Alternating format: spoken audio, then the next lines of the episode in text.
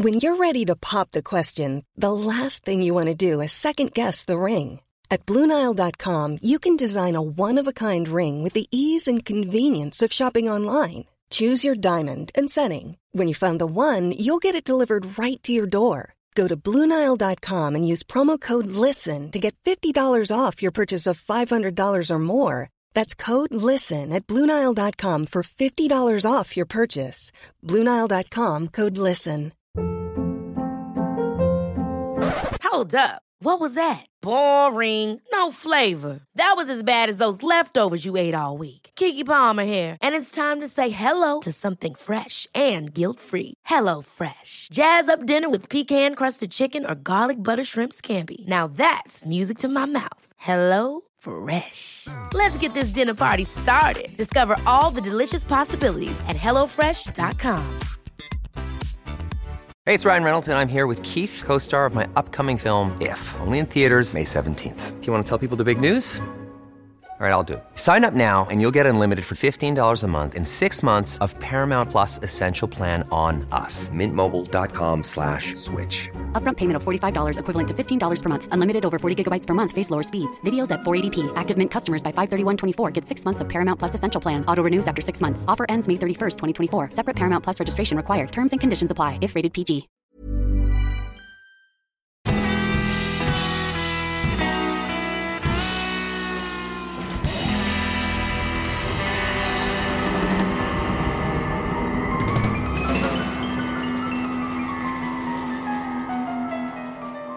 Hej allihopa och välkomna till säsongsavslutningen av denna säsong av Ståpäls. Det är en podcast som drivs av mig Ida och Lukas. ja, Mm. Hello.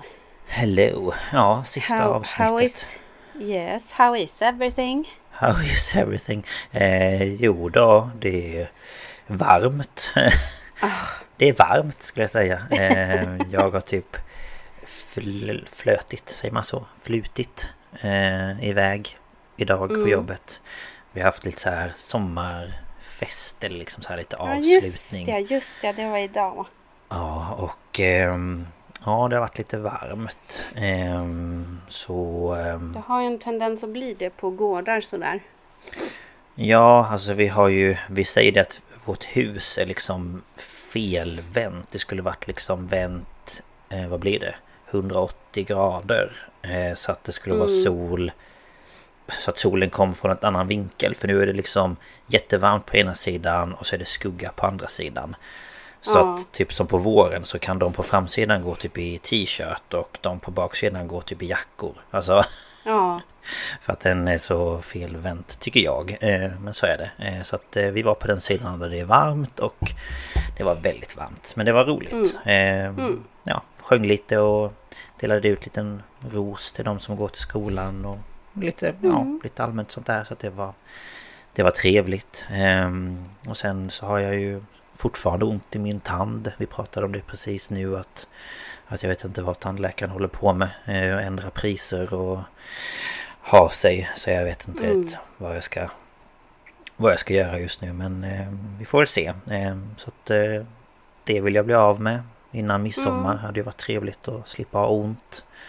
Eh, men eh, förutom det så rullar det väl på. Man börjar känna Mm. att man vill ha semester. Eh, ja det förstår jag. det är inte långt kvar men det känns som att det är en evighet. Mm. Ehm, så att ja, nej men det, det rullar på. Hur är det själv då? Jag är väldigt trött. Mm. Ehm, jag blir, men i och med att jag åker tåg varje Mm. dag nu så blir jag väldigt trött. Mm. Eh, Det är jobbigt med min allergi. Ja just ja, allergin ja. Ehm, så det, det är mycket som byggs på som gör mig extra trött. Mm. ja allergin Ehm. gör ju att man blir väldigt trött också. Ja, och så blir man lite seg av medicinerna man tar mot allergin. Mm. Eh, och det är trött. Man blir trött i huvudet av att göra någonting sån här arbetsträning eller liknande som jag gör. Mm. Ehm, så jag är Ja. generellt ganska seg hemma. Alltså Mm. när jag kommer hem Ja. så äter jag ju lite lunchaktigt. Och sen Ja. sover ju jag typ en timme. Mm.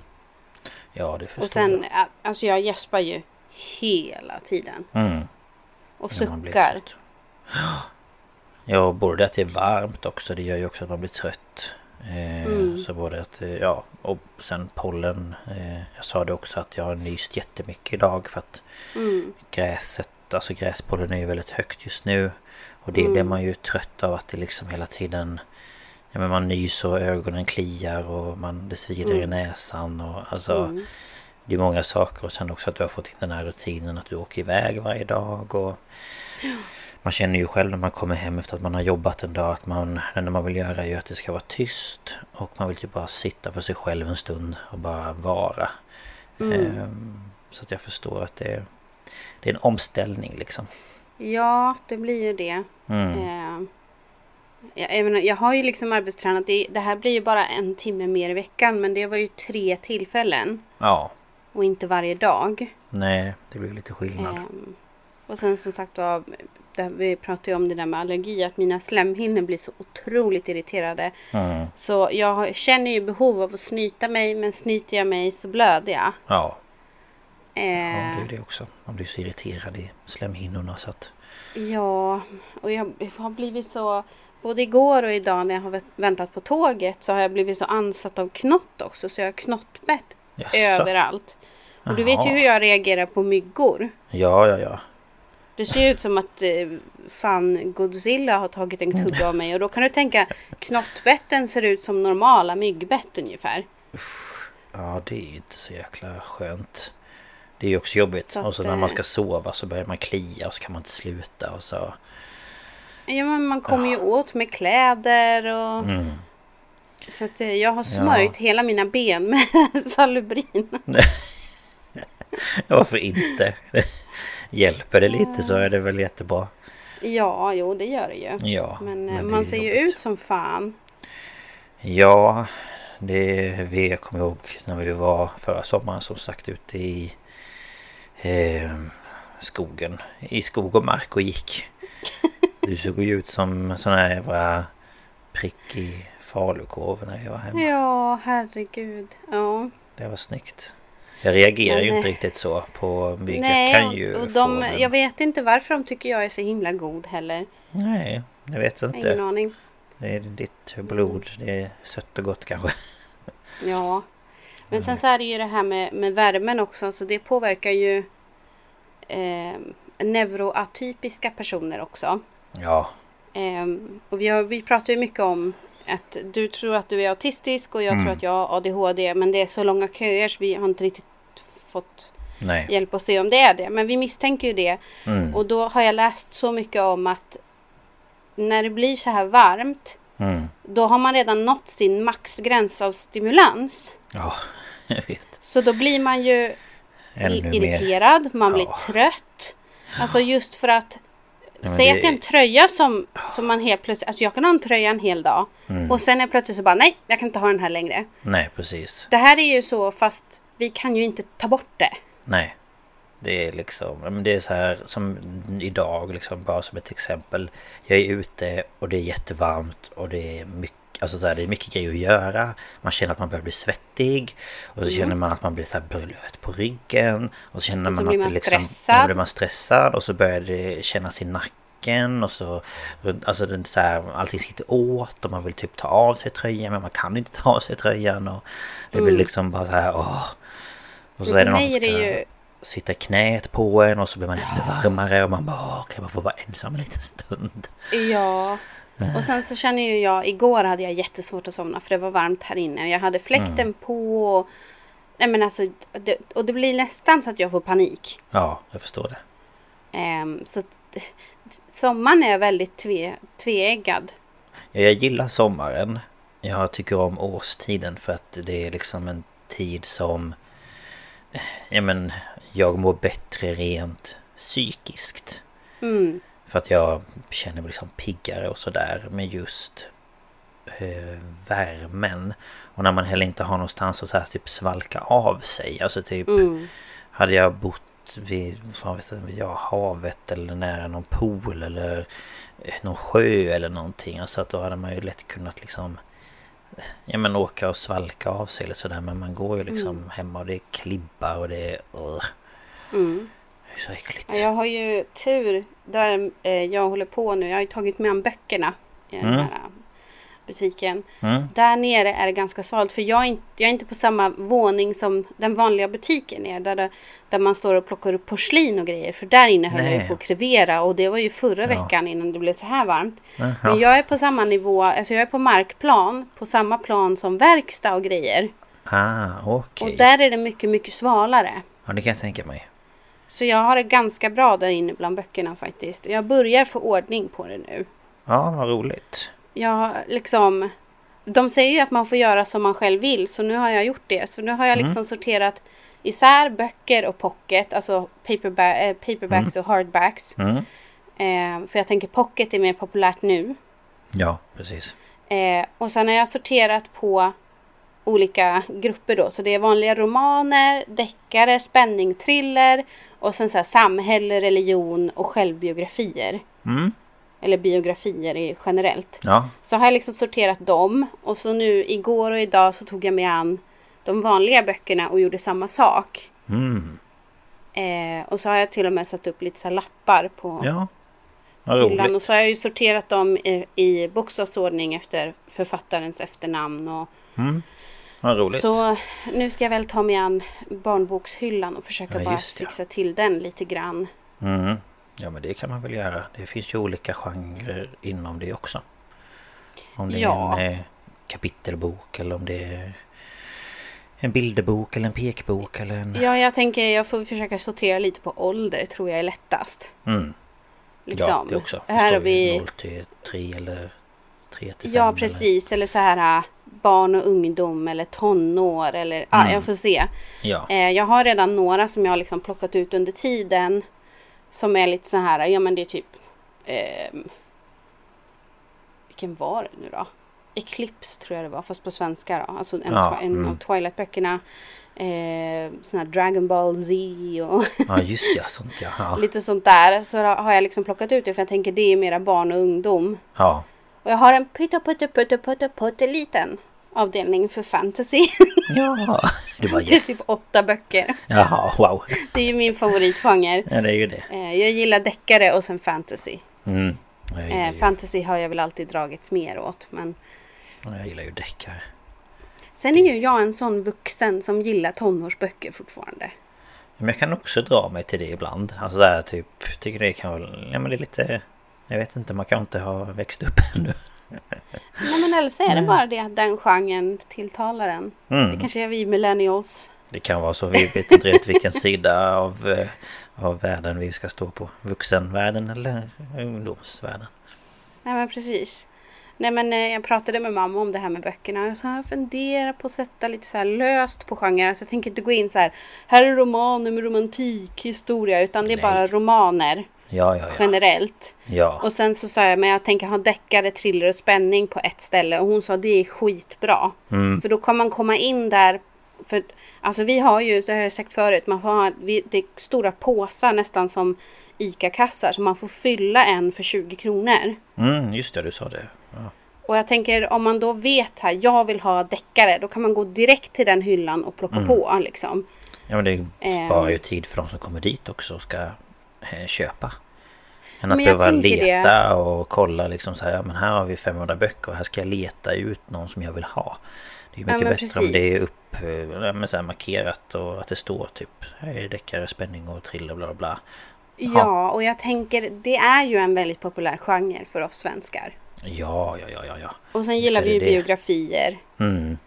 Sen har jag där i den här um, samhälle, religion, där är det liksom såna här några såna här Min väg med Gud och eh, eh, hon eh, Törnbloms eh, självkänslabok och Ja, just ja. ehm, någon Intressant. bok om eh, eh, Kina under andra världskriget. Alltså lite Jaha. sånt där liksom. Mm. Lite blandat. Den, den fetaste boken jag har sett om Stalin också. Oj. Men, men det är en bok. Alltså jag, jag tittar på den hela tiden och försöker liksom lista ut vad det är för slags bok. För den använder n-ordet väldigt, väldigt, väldigt, väldigt, väldigt, väldigt mycket. Jaha. Och jag kan inte avgöra om det är någon slags mening med det eller om den bara använder den ändå. För i så fall vill jag plocka bort den. Vet du vad den heter då? Nej, jag kommer inte ihåg. Jag kan kolla imorgon. Ja, kolla och så kan du väl skicka titeln till mig så kan jag undersöka lite. Ja.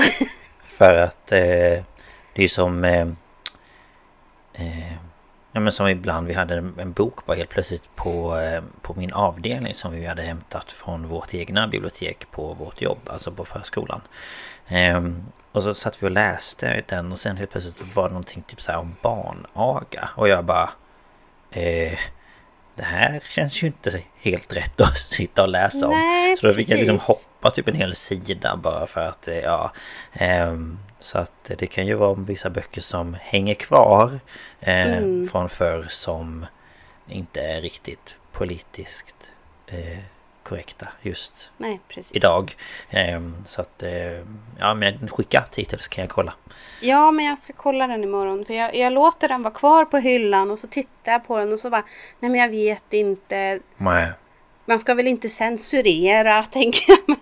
Nej Men, men, eh, sen borde det på vad det är för något syfte med det. Alltså för jag tänker, vi Ja, säger ju inte det precis. idag. Alltså det är Nej. ju ett, eh, alltså ja det är ju inget, det är ett Det är skällsord. ett skällsord. Ja, Eh, så... Men, eh, men jag kan säga för er som gillar Sidney Sheldon kan ni komma till kretsloppet i Tierp och köpa. För det är en hel hylla med bara Sidney Sheldon-böcker. Jaså? Är inte det... Är inte det... Är det... Eh, romantik? Nej. Jo, det är det väl. Ja. Det finns ju sådana Jag tror inte det är riktigt sån här Harlequin-nivå, men Nej, nästan. nej. För det finns sådana här typ erotiska, romantiska Jo, jo, böcker. några sådana har jag hittat också. Man bara... Leda på stranden och läsa lite. Ja, vad fan. Ja? Folk på tunnelbanan läste ju 50 shades där när jag var i London. Det var ju då de kom. Just ja. Då satt folk helt öppet och läste 50 shades of Grey på tunnelbanan. Ja, varför inte? Eh, Why not? Why not? Nu har vi babblat superlänge. Men eh, så kan det bli. Det är ändå säsongsavslutning. ja, vi babblar ju länge hela tiden. Det tar inte slut på våra babbel. Det är ju det som är Nej. problemet. Men det är he- helt okej om ni vill hoppa över. Alltså, vi förstår ju det. Ja, Men så det tänker ju- vi det kanske är någon där ute som tycker det är kul att höra om och våra liv. någon annans liv. visst så det är tycker lite jag så. om det och få höra liksom hur andra har det Ja. och kanske Känner finna igen lite sig. tröst eller någonting. Alla, att alla har någonting att, att kämpa med på olika sätt och vis. Mm. Mm, så är det Som verkligen. hur man sorterar böcker på en second hand butik. till Ja, det, det är viktigt. Det, Och jag, jag ska bara tillägga, det här rummet kanske är typ jag tror inte, ja, fyra kvadrat max. fyra kvadrat. Oj. Och det är bokhyllor liksom överallt. Ja. Liksom så här. Så att, eh, ja, nej. Väldigt litet med andra. Det är jättelitet. Mm. Ja, spännande. Men det där Ja. nog kunna få fint och välsorterat. Ja, det tror jag. Det tror Ja. jag. Jag hoppas det. Ja, men eh, jaha, nej, ska vi kanske hoppa, hoppa vidare i, i det här avsnittet? Ja, alltså du var just... Vi pratade ju om, vi brukar ju alltid ha något special på slutet på säsongen. Tidigare har vi haft att vi gör avsnitt tillsammans. Ja, Eh, och till jul och så brukar vi ju ha saker kopplade till jul. precis. Eh, och nu var det midsommar och då vet jag att du diskuterade Mm, Ska jag prata om, om midsommar? precis. Eller ska jag ta någonting annat? Och det slutade med någonting annat. Ja, helt rätt. Eh, och du har liksom så här berättat för mig och jag är så här. Alltså jag känner igen det men jag kan inte återberätta. Nej, ehm, det... Ja, det kommer vara en resa. Eh, Ja, Som men det kanske är... kommer vara lätt att glömma. Nej, men vi kanske ska ta och hoppa in i den resan då kan. ja, vi gör det. Ja, Ja, ehm, och eh, jag ska ju då prata om eh, midsommaraftonsmordet. Alltså ett mord som skedde på midsommarafton. Mm. Eh, och jag har inte jättemånga källor faktiskt. Jag har lyssnat på en podd som heter Tyst vittne. Och det avsnittet heter Midsommarmordet. Och sen så har jag varit inne på Expressen och eh, läst en artikel där. Och sen så har jag läst domen. Och det är då från Helsingborgs tingsrätt. Ja just ja, du fick ju tag på förundersökningen till Ja, och även själva domen. Alltså själva vad de...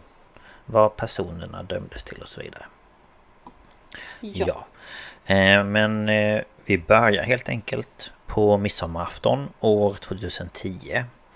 För då var en man vid namn Johan Lind, eh, Lindberg Lindberg menar jag. Eh, på väg hem och han klev då på bussen i Helsingborg där han hade varit och tränat på ett gym. Och Johan han hade då flyttat till Helsingborg i april samma år eftersom han hade fått jobb på ett dykcenter som då ligger i Helsingborg. Jag vet inte om det är kvar där men ja. Ehm, då var det det. Ehm, och där skulle han då arbeta med att ta hand om elever och sköta om butiken. Och eh, han bodde i en lägenhet som han hyrde i andra hand av en kille som han träffat på en fest i Uddevalla. Man bara ja, Okej. det är sånt man gör. Det är i Uddevalla det Japp, händer. där händer det grejer. Och eh, under våren och sommaren 2010 så var Johan väldigt vältränad och tränade på gym två till tre gånger per dag. Eh, Eh, Så väldigt vältränad med andra ord. ja, frågan är om det verkligen hjälper att träna flera gånger samma Många Ja, gör ju det om de typ så här tävlar i så här bodybuilding och tjottafräs för då tränar man ju typ två olika muskelgrupper varje gång. Så att du tränar typ så här, du tar ett pass och då tränar du kanske bara axlar. Sen går du hem, äter, chillar Ja. och sådär och sen går du tillbaka och så tar du ett pass med bara typ ben. Alltså... Så att Okej. många gör ju så för att de ska få in så många muskler, alltså muskelgrupper per vecka som ja, som man kan liksom. Okej. Ja, och sen förutom detta så löptränade han och åkte inlines. Eh, och på bussen hem från stan den här midsommaraftonen så såg Johan en kille som verkade ha problem med sin mobiltelefon. Och han bestämde sig därför för att gå fram till den här killen som presenterade sig som eh, Chico. Eh, och eh, de började då prata med varandra. Och eh, Chico, eller Andres, tror jag man säger, eller Andres. Eh, Ja, det lät nog bättre. Andres. Ja. Ja. eh, som han då egentligen heter, berättade att han behövde få tag i en person. Eh, men att, ja, att hans telefon inte riktigt funkade. Och Johan erbjöd då Andres att eh, han kunde prova sätta in sitt simkort i Johans eh, mobil. Men det här fungerade inte på grund av någon slags eh, simkortsspärr. Ja, ja, men det är ju för att vissa telefoner är det så nu för tiden. För förr var det ju alltid att liksom hade man köpt en telefon av Telia så var den låst till Men jag tror Telia. fortfarande det kan vara så. Faktiskt. Jag vet inte. Ja. Men eh, det var nog något sånt som Ja, ja, hände. Det gick i alla fall inte att få igång Det är drygt Ja, det är det ju. Verkligen. Ehm, men eftersom de båda var på väg åt samma håll så erbjöd då Johan Andres att han då fick följa med honom hem för att låna en laddare till mobiltelefonen. För det var väl det att den inte hade batteri kvar eller någonting. så det är väldigt schysst liksom för att bjuda hem en främling så. Eh, verkligen. Det känns inte så typiskt svenskt. Nej, det känns inte alls typiskt svenskt. Eh, och eh, det känns som att... Ja, jag vet inte om jag hade vågat. Nej, nej. Ehm, ja, men det här tackade ju då Andres eh, självklart ja till. Mm. Eh, och väl framme i lägenheten så laddade då han telefonen och under tiden så satt de båda och pratade med varandra. Som man gör när man träffas. Ehm, och under samtalet så berättade Johan att han varit inskriven på Västkustfamiljen. Och det här var då ett behandlingshem för kriminella och eller missbrukare. Mm. Men den här eh, ja, men västkustfamiljen då eh, lades dock ner år 2010 efter att det avslöjats att ägaren hade nära kontakt med MC-gänget eh, Hells Angels. Okej. Okay. Ja, så att eh, det fick inte, fick inte fortsätta. Vilket Nej. man förstår. Ja. Ja. Och eh, Andres berättade i sin tur att eh, en vän till honom, en annan Johan, en Johan Andersson, också hade varit inskriven där. Och eh, en person som Johan också kände eh, då det visade sig då att de varit inskrivna på västkustfamiljen samtidigt. Så den här Johan som Andres är med den här dagen känner den andra Johan också. Så alla tre alltså, känner varandra. Det är ändå fascinerande att man börjar prata om det där. Bara sådär. Hej, ja. du kan få låna min laddare. By the way. Så har jag suttit på, behandl på, behandlingshem. Ja, men jag tror att det var lite typ att de satt och pratade för att... Eh, ja men att de så här, ja men vad sysslar du med och vad... Mm -hmm. ja, men så här, ja. jobbar du med bla bla bla och så kom du väl på tal och ja, jag vet ja, inte riktigt. Ja, men det, det, det vet ju... vi ju inte men... Nej. Jag bara reagerade över det var ganska... Det låter väldigt eh, konstigt i varje fall. Ja. ehm, och under det här samtalet då med de här eh, två så kom det även fram att Andres hade en eh, flickvän vid namn Elin. Att han gillade kampsport och att han hade suttit inne för eh, olika våldsbrott. Och han berättade även att han hade en gängrelaterad bakgrund. Och under det här samtalet så ska de då enligt Johan druckit ungefär 2 till 4 stark öl. Och Andres ska även ha bjudit på 7-8 tabletter som antingen var eh, då benzo, alltså benzodiazepiner eller valium. Eh, och han menade dock på att han vid tillfället bara tog en tablett. Eh, och förutom ölen och tabletten så rökte han även en joint. Mm. Och enligt Johan så ska även Andres tagit tabletter. Det var en så jävla ju... blandning, hörru du. Ja, så det var både alkohol, tabletter och förmodligen cannabis kan jag tänka mig. Ja. Ehm, så att ja, det var en, en eh, salig blandning. Ehm, och eh, under tiden som de båda befann sig i lägenheten så ska då Andres vid flera tillfällen pratat i sin mobiltelefon. Och han ska då ha återberättat de här samtalen för Johan. Och eh, han berättade då att de här samtalen var med en man vid namn Ivan Eva, Ivan Ivanchevik. Ivanchevik.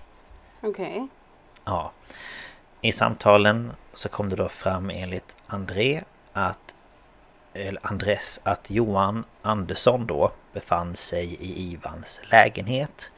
Tillsammans med 10 till 12 jugoslaver och behövde hjälp att ta sig därifrån. Okej. Okay. Eh, ja. Och Andres då menade på att Johan Andersson då var i ett trängt läge och han frågade därför om Johan som då Andres var med ville följa med till Ivans lägenhet. Och så den där Johan ville komma ifrån Ivan och de tio jugoslaverna. Precis. Okej. Ja. Det var väldigt specifikt, inte bara så här, ja det är Ivan och tio snubbar, utan det är Ivan och Nej, tio det... jugoslaver. Ja, precis. Och det är väl då enligt Andres någonting negativt att de jo, var jo. det. Men ehm, ändå. Ja, ja, det var väldigt specifikt. Ehm, förmodligen så var väl Ivan det, kan jag tänka mig. Det låter ju som det. Ja. Ehm, men Johan, ja men han tänkte att han kunde följa med även om han aldrig hade träffat Ivan tidigare. Mm. Och han uppfattade då samtalen mellan de här två som lugna. Men att Andres ville åka dit och att Ivan i sin tur inte ville träffa Andres. Utan han var lite så här... mm, nej jag vill inte att du kommer hit liksom. Men varför kan de inte bara släppa Johan så han fick gå? Ja, det är ju en väldigt bra fråga. Mm. um, och Johan fick även uppfattningen om att det kunde finnas knivar i lägenheten. Och att det kunde bli en livlig diskussion när de väl då kom dit. Och innan de båda rörde sig mot Ivans lägenhet så berättade då Andres att Ivan var sinnessjuk och att de skulle beväpna sig. Men alltså, och det här säger man till en snubbe man precis har träffat också. Ja, ja, ja. Det är ju det här som är så himla lustigt. Hela, hela grejen, ja, jag vet inte. Ja. Att man... Och att man ens går med på att säga, ja men jag hänger med dig här som lite backup om det skulle hända någonting. Alltså man bara, fast ni känner ju inte varandra. Ni har en gemensam vän. Ja. Det är väl det enda. Ja, men i alla fall. Eh, Andres då hade en väska och i den så stoppade han ner en köttklubba. Som han hade hängandes vid ytterdörren.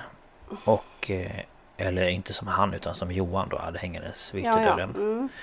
Och Johan i sin tur tog med sig en liten kniv som han la i sin ficka och en yxa som han satte fast i byxlinningen.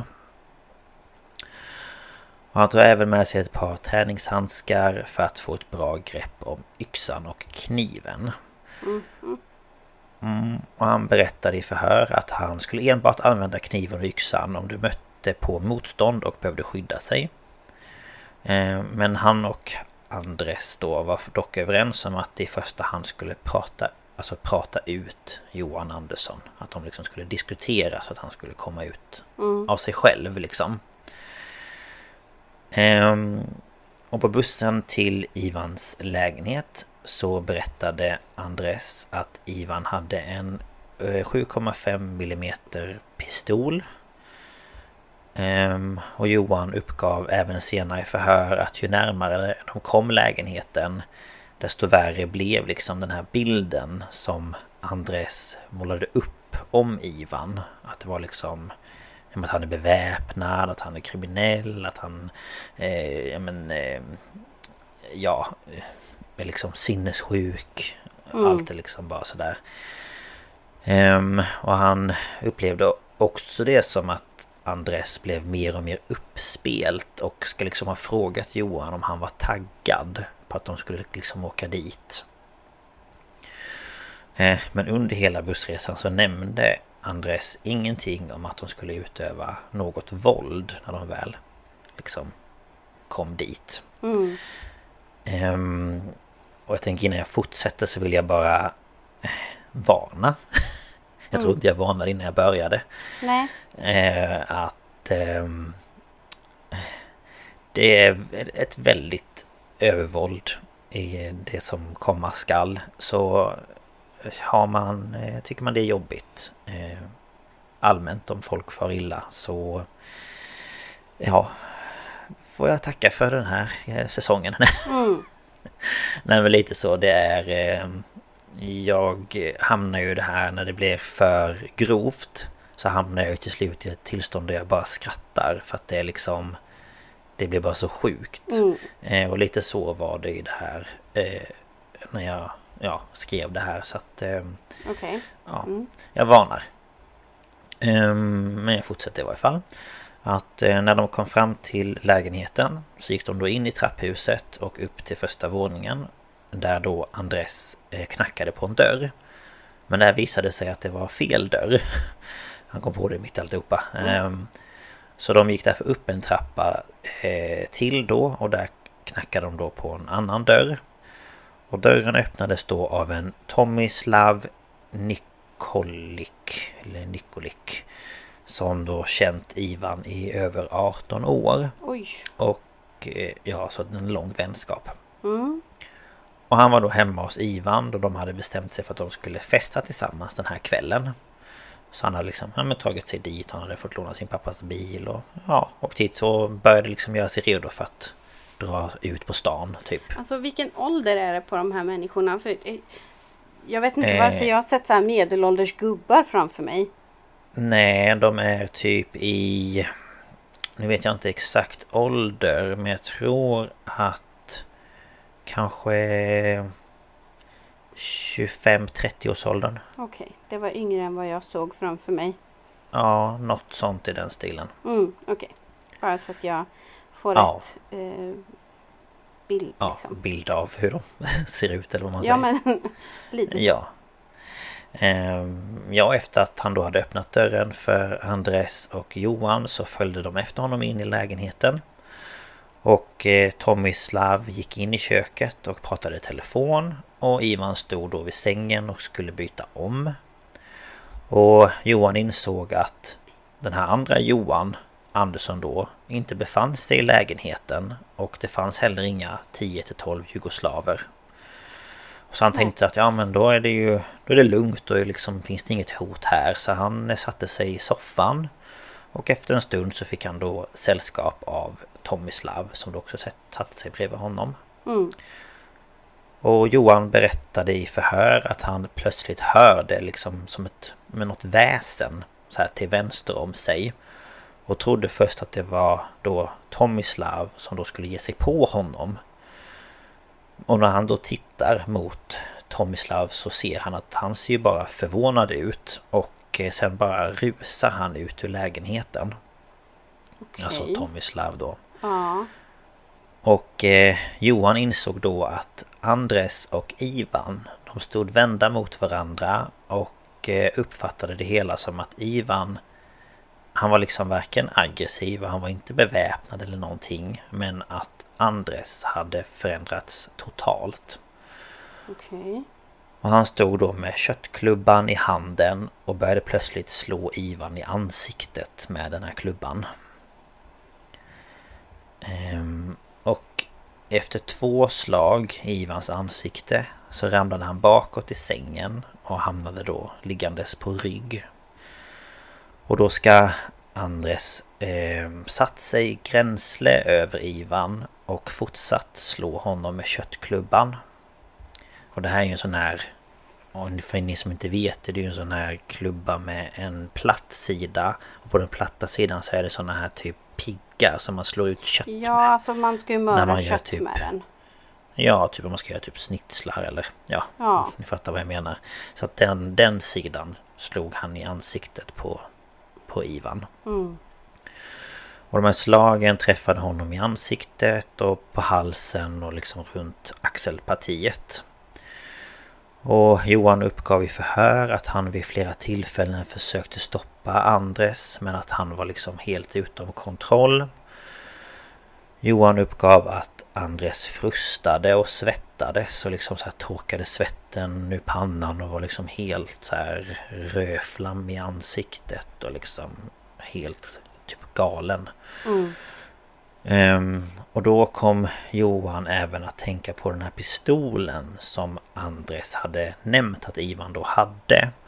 Och han blev då rädd att Tomislav hade sprungit ut för att hämta den här pistolen någonstans. Mm. Så han låste därför ytterdörren då han då menar på att han var rädd för att Tomislav skulle komma tillbaka och skjuta dem. Mm. Um, och eh, Andres han hittade en kniv som låg mellan liksom madrassen och väggen. Och ska då enligt Johan blivit ännu argare och skrikit citat Ska du hugga mig med den här din jävla fitta? Eh, till sedan, Ivan då? Ja, till Ivan. Eh, och sedan så hade han börjat hugga Ivan med den här kniven. Men alltså... Så sitter han och säger Åh nej, Ivan är sjuk i huvudet. Ja, man bara vem är det som är sjuk i huvudet här egentligen? Ja, men jag känner det. Ja, och de här knivhuggen de träffade då Ivan i mitten och nedre delen av kroppen. Och enligt Johan så ska det här bladet på kniven böjts under tiden för att han tog i så hårt. Mm. Och han uppgav i förhör att Andres eh, satt vid sidan av Ivan med ett knä på Ivans mage och en arm i Ivans ansikte medan han då högg honom. Okay. Eh, och förutom köttklubban och kniven så använde även Andres en syl som han använde för att hugga Ivan med. Men vad, är, det, vad fan? Ja, jag vet. Det är liksom sak efter sak. Och under detta händelseförloppet då så försökte Johan hindra Andres genom att dra honom i armen liksom bort från Ivan. Alltså mm. han tog tag i honom och liksom började slita i honom. Men då ska Andres istället knuffat Johan bakåt så han liksom föll och slog ryggen i vardagsrumsbordet. Mm. Ehm, och i slutet av våldsförloppet så låg Ivan på golvet. Och Andres ska då sagt att han skulle bryta armarna på Ivan. Genom att göra ett, eh, alltså det kallas för en armbar på båda armarna. Och det är liksom en form av armlås som man ofta använder inom ja, men typ judo, jujutsu och brottning och sånt där. Det är väldigt vanligt i MMA. Okay. Att man liksom... Eh, ja men du låser liksom fast motståndarens arm och så sträcker du ut den så att armbågen hamnar liksom över sin stödpunkt. Okej. Okay. Eh, jag vet inte om du har sett det någon gång? Alltså jag har ju säkert sett det men jag kan inte få fram det i huvudet ja. nu. Nej men det ligger liksom så att de har typ Ja, ja, ja, men nu, nu. Okay, Armen är ja. rakt ut och så håller du fast i den och så liksom böjer du den bakåt. Ja, ja, ja. Det är jätteont. Ja, jag ser så det så framför mig nu. Jag får alltid panik när jag ser det. Ja, det är jätteäckligt. Han gjorde så på båda hans armar. Och det ska ju göra, alltså det gör ju jätte, jätteont. Mm. Ehm, men är Ivan eh, medvetande fortfarande? Eh, man tror det. Okay. Men man är inte helt hundra om han... Jag kommer till det sen men eh, man tror att han kan ha varit medveten vid det här laget fortfarande. Okej. Okay. Ehm, och nu kommer det sjukaste som jag har hört på länge. Efter det här så ska Andres lyft upp Ivan med en arm genom att ta tag i byxlinningen och sagt att han skulle klippa av Ivans penis. Och Johan mm. såg då även att Andres höll i en sax. Och därefter så ska Johan tittat bort. Och nästa gång han tittade, alltså mot dem, så var Andres i höjd med Ivans huvud och ska då ha sagt citat Du ska ha den i munnen din jävel. Och han kunde då inte exakt se vad Andres gjorde. Och efter detta så vände Andres på Ivans kropp så att Ivan låg på mage. Och sen så förde han in sylen i Ivans ändtarmsöppning. Nämen! Ja. Eh, så att... Eh, väldigt grovt våld. Mm. Eh, Vet inte riktigt vad som slog slint men ja. Eh, och vid det här laget i varje fall så trodde Johan att okej, okay, nu ska vi gå härifrån. Men Andres vill inte gå därifrån tomhänt. Så han började därför plocka på sig en DVD-spelare, en minidator och ett Xbox. Och under tiden så sa då Andres åt Johan att lägga ner sakerna i en väska och när de gick ut från lägenheten så gick de till en cykelväg i närheten där de då båda bytte om. Och efter det bad Johan Andres då att ringa larmcentralen då han själv hade lämnat sin telefon hemma. Och det här gjorde faktiskt Andres. Och efter det så frågade de en förbipasserande var närmsta busshållplats låg. Och på bussen på vägen hem till eh, Johan då så ja, beskriver han Andres som nästintill eh, eurofo, euro, heter det? Euroforisk? Euro, euforisk. euforisk, tack. Eh, och han pratade då om vilka tatueringar han då skulle göra som symboliserade det som hade hänt. Mm. Man bara, ja för det är ju det första man tänker på efter man har brutalt mördat någon men ja visst.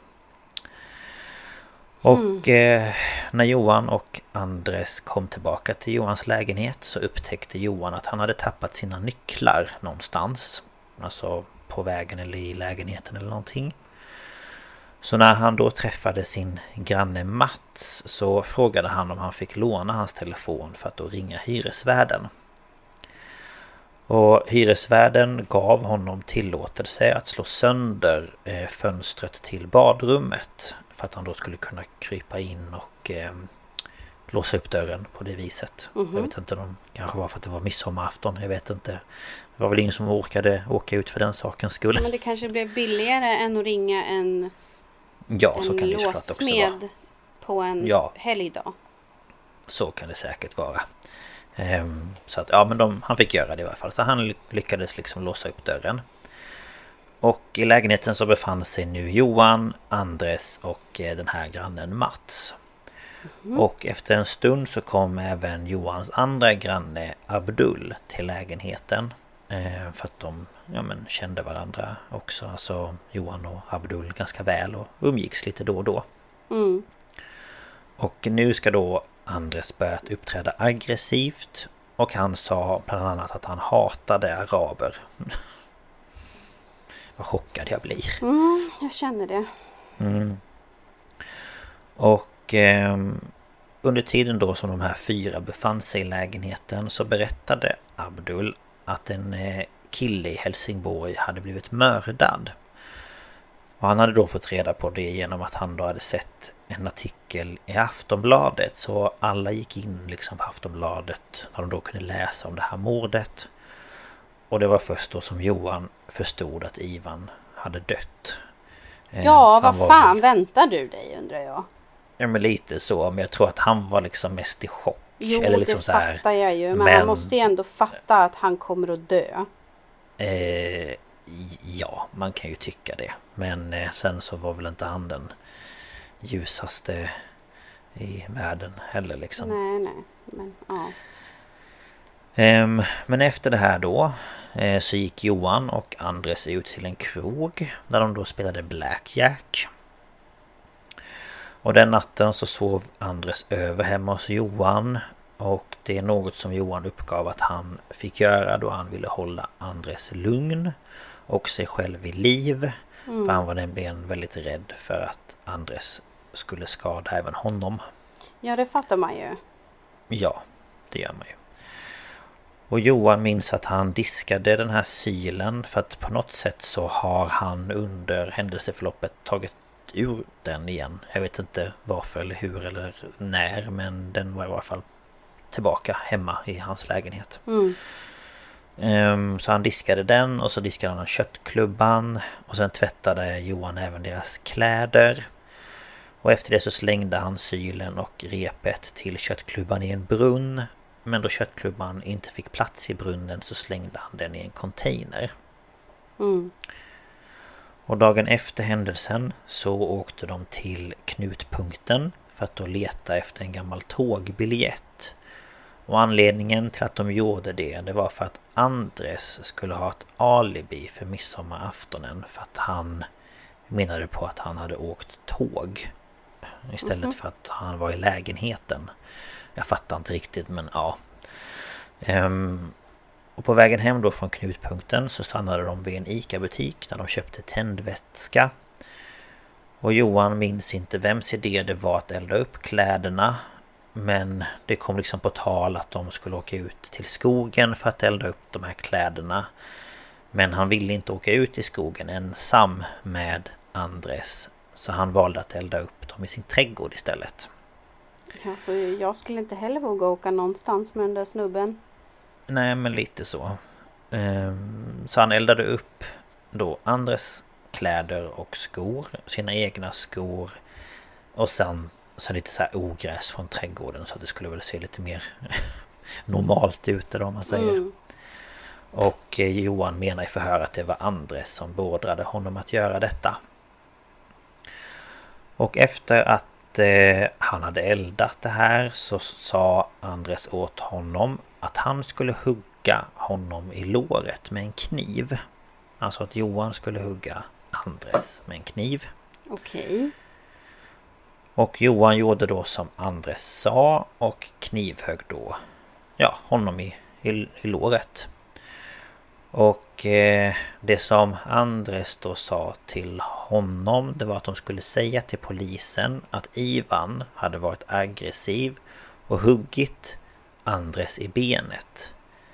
Varpå Johan hade slagit Ivan ett antal gånger så att Ivan då däckade. Så ja, så nu, liksom... vill, nu vill han få det att se ut som att det är Johan som har gjort det här. Precis, och att det var Ivan som attackerade honom. Så därför var de tvungna att eh, göra mm. det här mm. på honom. Ehm, och eh, Andres sa dock ingenting om vad de då skulle säga till polisen. Med liksom avseende på hur de liksom kom in i Ivans lägenhet. För det var liksom en portkod och grejer där. Så att de, det tänkte han inte på men... Nej. Och på söndagen efter midsommarafton så pratade Andres i telefon med sin flickvän och efter samtalet så berättade han för Johan att polisen ville prata med Andres om Ivan.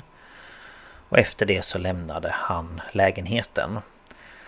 Och det sista som Andres sa till honom var att han skulle vara beredd på att sitta häktad i några månader. Mm. Typ som ett hot känns det lite som. Mm. Ehm, och dagen efter så träffade Johan sin granne Mats och de gick på en promenad. Och under den här promenaden så berättade Johan att Andres hade huggit Ivan upprepade gånger och klippt av hans penis. Och Mats ska då ha frågat varför Andres gjort så mot honom.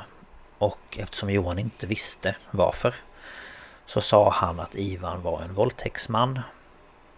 Ehm, och när de kom tillbaka till Johans lägenhet efter den här promenaden så möttes de av poliser som då frågade om han hette Johan Lindberg. Varpå han svarade att ja, det gör jag. Och sen fick han då följa med till polisstationen. Mm. Och eh, nu, det här var liksom Johans eh, berättelse. Hans syn på vad som hände. Och jag tänkte att vi skulle gå in på Andres berättelse. Men innan vi gör det så går vi på en kort paus. Yes. There's never been a faster or easier way to start your weight loss journey than with PlushCare. PlushCare accepts most insurance plans and gives you online access to board-certified physicians who can prescribe FDA-approved weight loss medications like Wigovi and Zepbound for those who qualify. Take charge of your health and speak with a board certified physician about a weight loss plan that's right for you. Get started today at plushcare.com slash weight loss. That's plushcare.com slash weight loss. Plushcare.com slash weight loss. Hey, it's Ryan Reynolds, and I'm here with Keith, co star of my upcoming film, If, only in theaters, May 17th. Do you want to tell people the big news? All right, I'll do it. Sign up now and you'll get unlimited for $15 a month in six months of Paramount Plus Essential Plan on us. Mintmobile.com slash switch. Upfront payment of $45 equivalent to $15 per month. Unlimited over 40 gigabytes per month. Face lower speeds. Videos at 480p. Active Mint customers by 531.24 get six months of Paramount Plus Essential Plan. Auto renews after six months. Offer ends May 31st, 2024. Separate Paramount Plus registration required. Terms and conditions apply if rated PG. Ja, nu har vi haft en liten reklampaus. Um, ja. Och eh, som jag sa innan pausen så ska vi nu gå in på Andres berättelse. Och eh, han flyttade till ett familjehem i Strövelstorp i Ängelholm i maj 2010. Och hade aldrig innan det här som utspelar sig sen bott i närheten eller i Helsingborg. Och när han kom till familjehemmet i Strövelstorp var han i slutet på verkställ verkställigheten av ett långt fängelsestraff. Och en av anledningarna till att han valde familjehemmet i Strövelstorp var att han kom väl överens med den här familjen.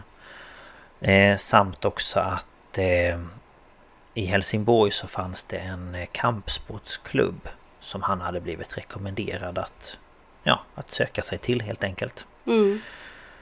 Och eh, han har då utövat kampsport sedan han var liten, alltså ett barn. Och han har även tävlat i kampsport. Ehm, och på liksom längre sikt så planerade han att söka in till högskolan i Munka Ljungby för att utbilda sig till personlig tränare. Och under 2009 så tog han distanskurser på universitetet och han har både läst psykologi A och socialpsykologi A. Och under den här perioden så var han även ute på gymnasieskolor och höll olika föredrag. Så att han har ju ändå liksom sysslat med saker. Mm. Innan det här skedde. Mm. Ehm, och när han kom till Helsingborg så kände han då endast Johan Andersson samt en man vid namn Tony och en annan vid namn Alexander. Ehm, och samtliga dessa lärde han känna då han satt på anstalten i Hamsta. Mhm. Och första gången han såg Ivan eh, Det var när han gick på stan med Tony Och Tony pekade då ut Ivan och sa att om han behövde någonting så var det han som han liksom skulle prata med Typ om han behövde hjälp med grejer eller narkotika eller ja Ehm, och kvällen innan midsommarafton så umgicks eh, Andres med Johan Andersson då och de var ute på stan och festade och träffade då Ivan. Och tillsammans med Ivan och två tjejer så gick Andres och Johan hem till Ivans lägenhet där de då fortsatte sin fest.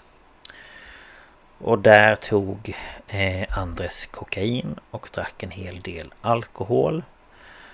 Och han festade ända till nästa morgon. Eh, då alla då ja, lämnade lägenheten.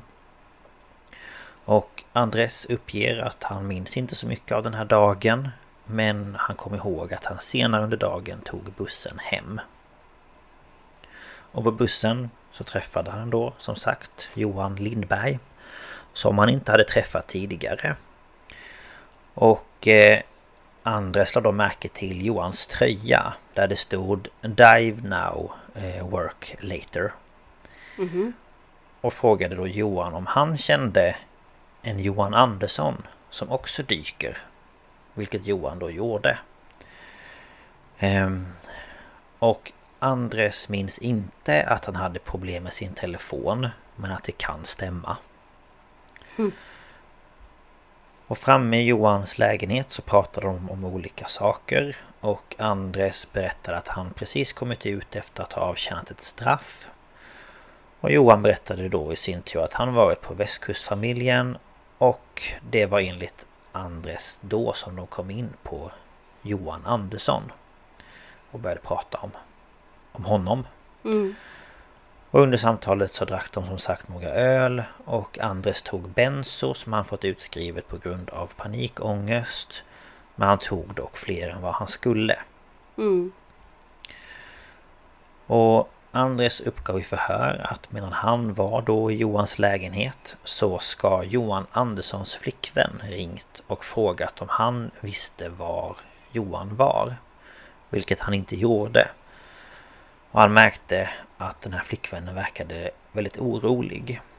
Ehm, och efter en stund så ska då även Johans syster ringt och frågat om Andres visste var Johan var. Och nu började han själv då bli orolig för vad som skulle kunna ha hänt Johan. Så han ringde därför upp Johan Anderssons mobiltelefon och det var då Ivan som svarade.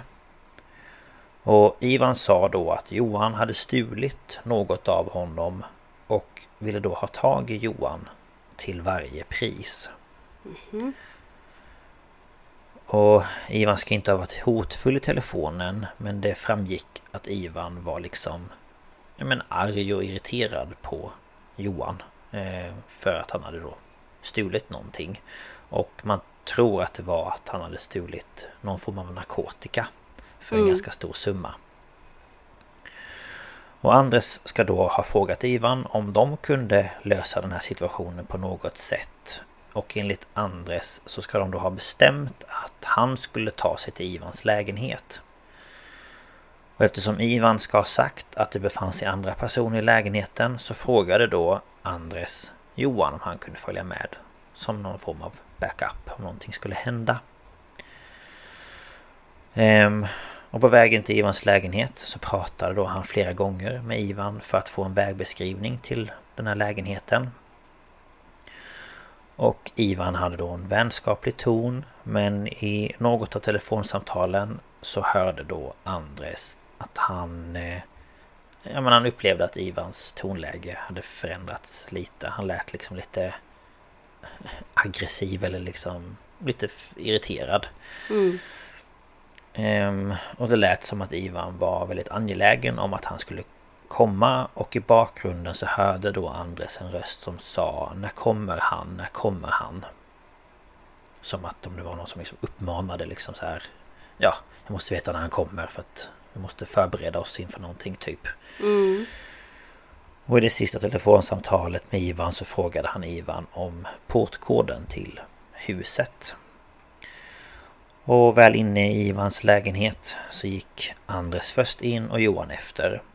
Och i vardagsrummet så menar då eh, Andres att Ivan satt i soffan men reste sig när de kom in. Och enligt Andres så ska Ivan blivit irriterad över att Andres då hade tagit med sig en helt främmande människa dit. Och han ska även ha sett att Ivan höll en kniv i handen och att han då kände sig hotad. Eh, så han bestämde sig för att ta det säkra före det osäkra och tog då fram köttklubban och slog Ivan i ansiktet. Mm. Och i samma stund ska då Tomislav sprungit ut ur lägenheten. Och Andres påstår i förhör att han var rädd för kniven då i Ivans hand och försökte slå honom en gång till med klubban. Men att Ivan ska då ha lyckats slå iväg den här klubban. Och att då i och med det så ska Andres börjat slå honom med knytnävarna istället. Och efter det ska han ha tagit ett strypgrepp på Ivan och fällt ner honom i sängen. Och där så fortsätter han då att slå honom. Eh, han visste inte var Ivan hade kniven och han var då rädd för vad han skulle kunna göra med den. Och för att få slut på slagsmålet försökte han få tag på Ivans arm för att då göra en sån här armbar eller en... Ja, hur man uttalar det. Mm. Och plötsligt så ska Ivan ha liksom flugit framåt emot honom och förlorat all sin kraft. Och eh, han, Andres då såg inte vad som fick Ivan att ja, falla framåt. Och han vet inte vad Johan gjorde eftersom Ivan skymde Johan. Men han tror att Johan högg eller slog Ivan med någonting. Mm -hmm. Och då Ivan förlorade sin kraft så gjorde han då en armbar på Ivans högra arm. Och Ivan reagerade inte. Och Andres förstod då att det var något som var fel. Och han reste sig därför upp från sängen och sprang ut från lägenheten. Och då han lämnade lägenheten så menar han på att Ivan var helt utslagen. Och att han då låg med halva kroppen i sängen och benen ut mot vardagsrummet. Han visste inget om att Ivans penis blivit avklippt eller att han skulle ha fört in en syl i hans ändtarmsöppning. Så det är mm. ingenting som han liksom kunde kännas vid. Nej, nej. Nej. Eh, och när de kom ut ur lägenheten så var han blodig både på händerna och på byxorna. Och han ringde då larmcentralen för att Ivan var allvarligt skadad och behövde hjälp. Och Andres menar i förhör att han ringde larmcentralen innan Johan kom ut till lägenheten och att Johan då ska ha haft en väska med sig som var väldigt tung men att Andres inte ska ha ja, men, lagt så mycket märke till det utan bara så okej okay, han har en väska. Ja. Um, och Andres minns att när de kom tillbaka till lägenheten, alltså Johans lägenhet, så hade han då tappat sina nycklar. Han minns inte att Johan slog sönder en fönsterruta. Och väl inne i lägenheten så ska han ha tagit fler tabletter för att lugna ner sig. Och efter en stund så upptäckte han att han blödde från tummen och ovansidan av handen. Och han gick då till köket och där såg han då att Johan stod och diskade den här köttklubban. Och han såg även att Johan diskade en syl men han såg ingen kniv. Ehm, och han menar då på att det inte var han som hade sagt åt Johan att diska de här grejerna utan att Johan gjorde det själv. Och han har heller ingenting att göra med liksom bortförandet av de här grejerna och att han hade dumpat dem i en container och grejer. Mhm. Eh, och att det var Johans idé att tvätta deras kläder. Ehm, och efter detta så uppgav Andres att minnena var väldigt suddiga efter de här tabletterna som han hade tagit. Men han minns att de gick ut och festade och att de spelade Blackjack. Och efter det åkte de tillbaka till Johans lägenhet där han då frågade om han fick sova över. Och dagen efter när Andres vaknade så ska Johan visat en artikel om en man som hittats mördad i Helsingborg. Och det var först då som han förstod att Ivan var död. Ja, Ja, de skiljer ju Ehm. sig de här historierna om man säger så. ja de gör ju det. Eh, verkligen. Andres skyller ju väldigt mycket på Johan. Men det jag funderar på är ju om han nu har ringt SOS. Mm. Då ska ju det, då registreras ju det. Ja, och jag vet inte riktigt. Jag har inte hittat vad som sades i det larmsamtalet. För jag var lite intresserad av det men jag har inte kunnat hitta det någonstans. För jag tänker om han säger liksom att han har påträffat någon eller om... Ja, men jag menar om han har Ja. ringt överhuvudtaget så ska ju det finnas. Ja, precis. Det är det jag menar. Men jag antar det för att polisen kom ju dit. Ja, jag vet inte. Ja, Jag kommer säkert till det. Jag har säkert skrivit någonting om det längre ner i dokumentet. Men det låter ju väldigt konstigt. Eh, vad skulle han kunna ha sagt till dem liksom? Ja. Ehm, och han menade också på att det var Johans idé att elda upp deras kläder med hjälp av tändvätska. Men det var han som bad Johan att hugga honom i benet och att Johan då gjorde som han sa. Och han sa därefter till Johan att de då skulle säga till polisen att det var Ivan som huggit honom i benet. Och anledningen till detta var att slaget som hade träffat hans tumme troligtvis hade lett till att hans blod eh, då skulle finnas i Ivans lägenhet. Och att han då var tvungen att hitta på en förklaring till varför det skulle finnas där. Ja, ja. Ja. Ehm, och någon gång under förmiddagen på söndagen så ringde hans dåvarande flickvän och sa att polisen letade efter honom. Så han bestämde sig för att åka till flickvännen på en gång. Och när han kom hem till flickvännen ringde han polisen och bad att de skulle hämta honom. Och när polisen då kom till Ivans lägenhet på kvällen så hittade de Ivans kropp under ett sängöverkast. Och de ringde då till kriminaltekniker som hade jouren den här aktuella midsommaraftonen för att då komma och undersöka den här brottsplatsen. Och väl inne i lägenheten så noterade han att Ivan hade skador i huvudet och ringde därför till rättsläkaren som då ville bilda sig en egen uppfattning om skadorna på plats och åkte därför till lägenheten eh, efter samtalet. Mm. Eh, och det här utrymmet eh, som kroppen låg på var liksom väldigt litet. Så att de beslutade sig då, alltså kriminalteknikern och rättsläkaren för att skicka kroppen så som den såg ut där och då Eh, till rättsmedicin i Lund för en obduktion. Och när lägenheten undersöktes så hittade man inga fynd som tydde på att det varit en fest där kvällen innan. Och det fanns heller inga tecken på att det hade varit någon form av strid i lägenheten. Och det man kom fram till var att våldet som skett inne i lägenheten varit enkelriktat och att händelseförloppet hade gått väldigt fort. Och det här kunde då kriminalteknikerna tolka utifrån blodstänk och sånt som var runt sängen. Mm. Och man kunde också se att det hade varit ordning i lägenheten innan händelsen. Men att någon eller några efter att Ivan då skadats hade letat efter något i lägenheten. För man kunde då se att saker i lägenheten hade liksom flyttats och kastat runt och... Mm. Eh, ja men alltså det var mycket blod på ett stort antal platser i lägenheten.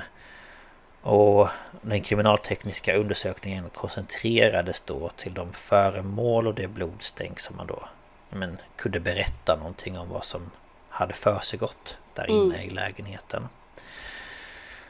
Och efter den rättsmedicinska obduktionen så kunde rättsläkaren visa på att Ivan avled genom kvävning i sitt eget blod.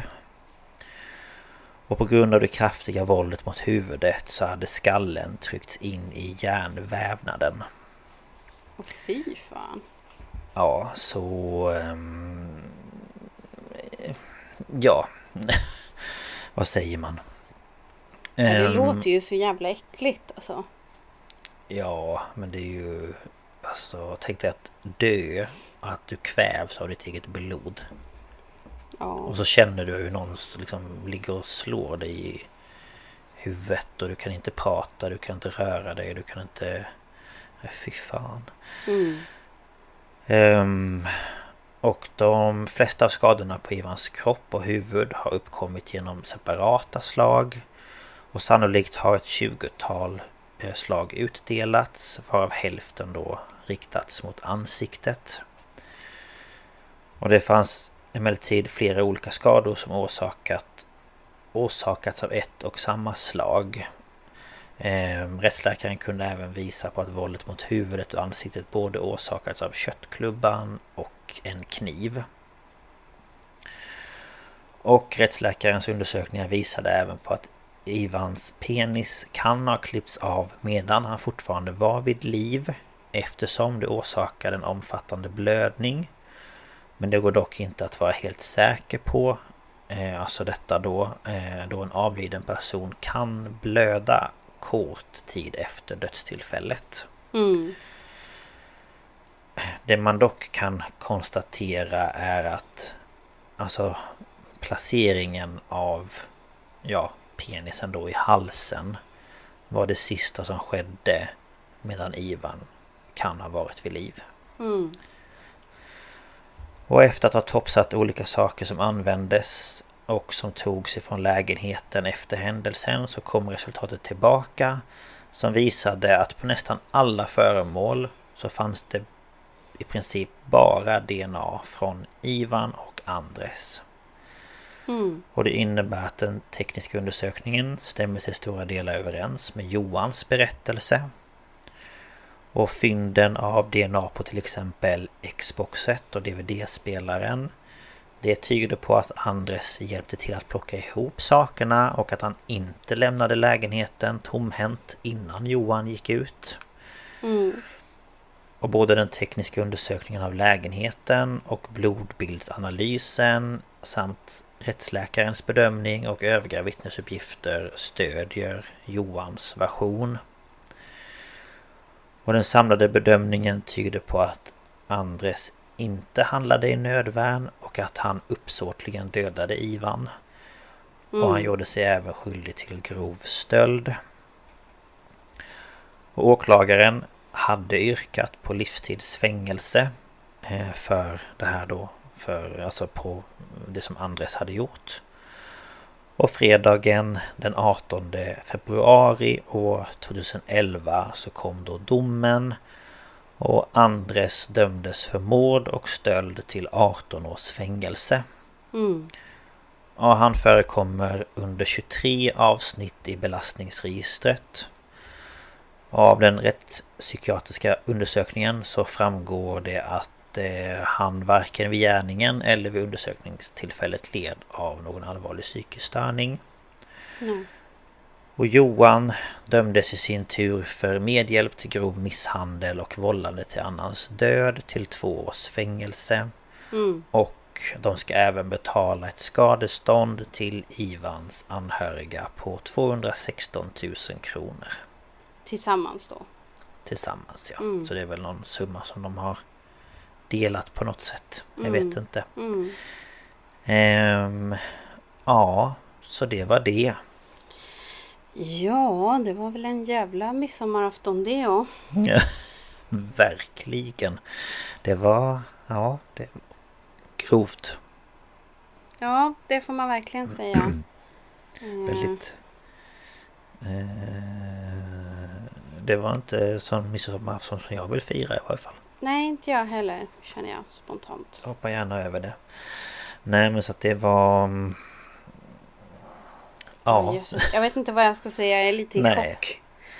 Ja, nej men det är ju eh, ett eh, fruktansvärt övervåld. Eh, och vad jag har förstått det som så vet de inte motivet. Eller jag fick Nej, liksom det var inte det fram jag något funderade motiv. på. Var det där? Hade han gjort någonting mot något nå barn? Eller, för det var ju någon som drog upp Nej, det. jag tror inte det. Utan jag tror att det var...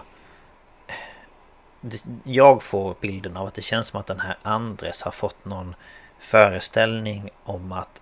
För han ville då skydda den här Johan Andersson. För att han kände sig lite som hans typ så här storebror. Och att den här Ivan var irriterad på honom för att han hade tagit någonting av honom. Och att han då skulle dit och liksom... Ja men visa sig tuff. Ja men lite så här. Mm. Eh, Lite så, det är den känslan jag Ja, så det, är, det är ju uppenbarligen någonting personligt så i alla fall.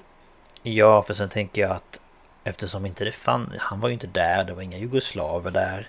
Så jag menar han har ju då säkert Han har ju då ljugit för den andra Johan för att han ska följa med dit och liksom hålla lite vakt så att han ska kunna Ja, jag vet inte. Ehm, Men det känns ju som att det har någonting med Med droger eller Ja, någon uppgörelse av något slag att göra. Eh, ja. Men det är Absolut. ju... Alltså det är ju... Nej men ja, det är så galet. Det är ju helt sjukt. Så att... ehm, jag hoppas att ni andra får en bättre midsommarafton än så. Ja, ehm, det får jag också hoppas. Ja. Ja, ja, så var det med det. Ja, men eh, tack så mycket för detta får man väl säga. ja. Så lite så. Eh, det var en, eh, en pangavslutning på det här avsnittet får man väl säga. Eller på Mm. den här säsongen menar jag. På säsongen ja. Ja. Jag tänkte det. Ehm, det. Men eh, ja, så kan vi också Ja. göra. Så kan man göra. Så kan det vara. Nej, men jag tänkte så här, bara ska jag prata om midsommar? Jag bara, jag vet inte, vad kan jag hitta om midsommar? Bara satt och läste och bara, åh nej jag vet inte. Det Och kanske känns något som mera för mig. Ja, och så började jag typ så här söka på så här typ mord, midsommar, eh, brott under midsommarafton bla bla. Och sen så Mm. kom det här upp. Och så hittade jag ju då fuppen och domen och tänkte att jag kör. Även om Ja. det är sjukt eh, grovt så tänker jag att de flesta som ändå lyssnar på sånt här har väl hört värre. Det tror jag.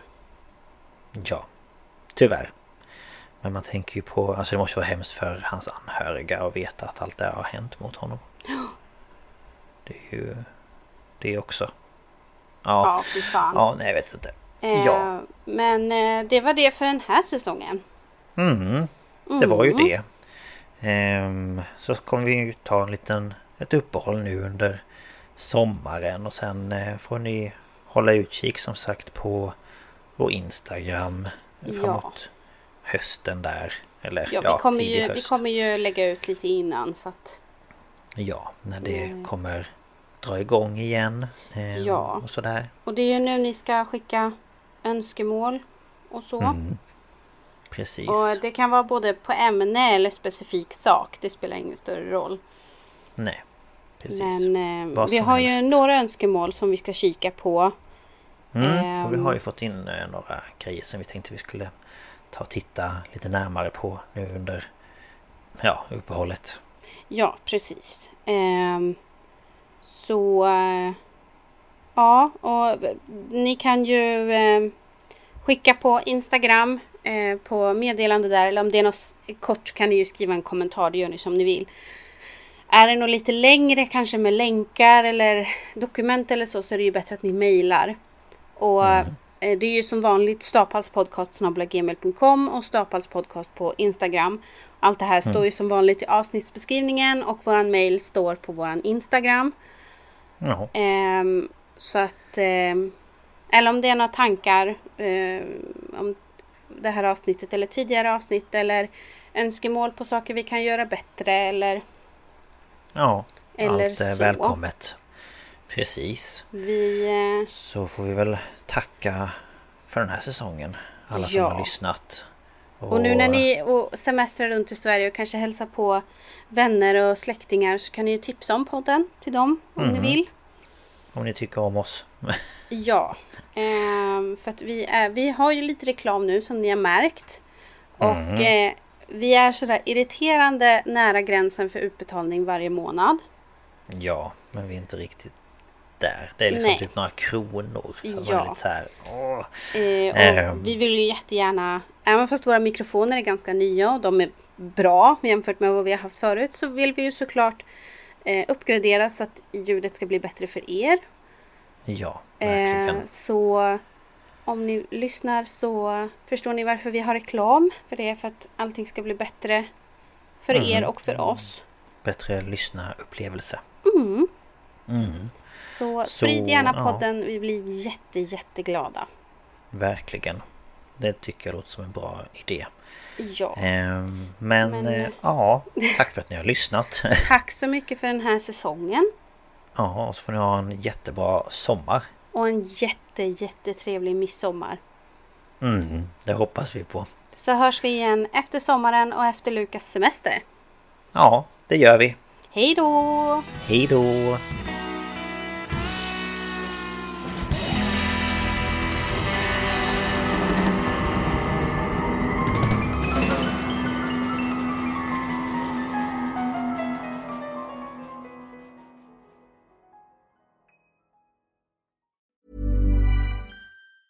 Hey, it's Danny Pellegrino from Everything Iconic.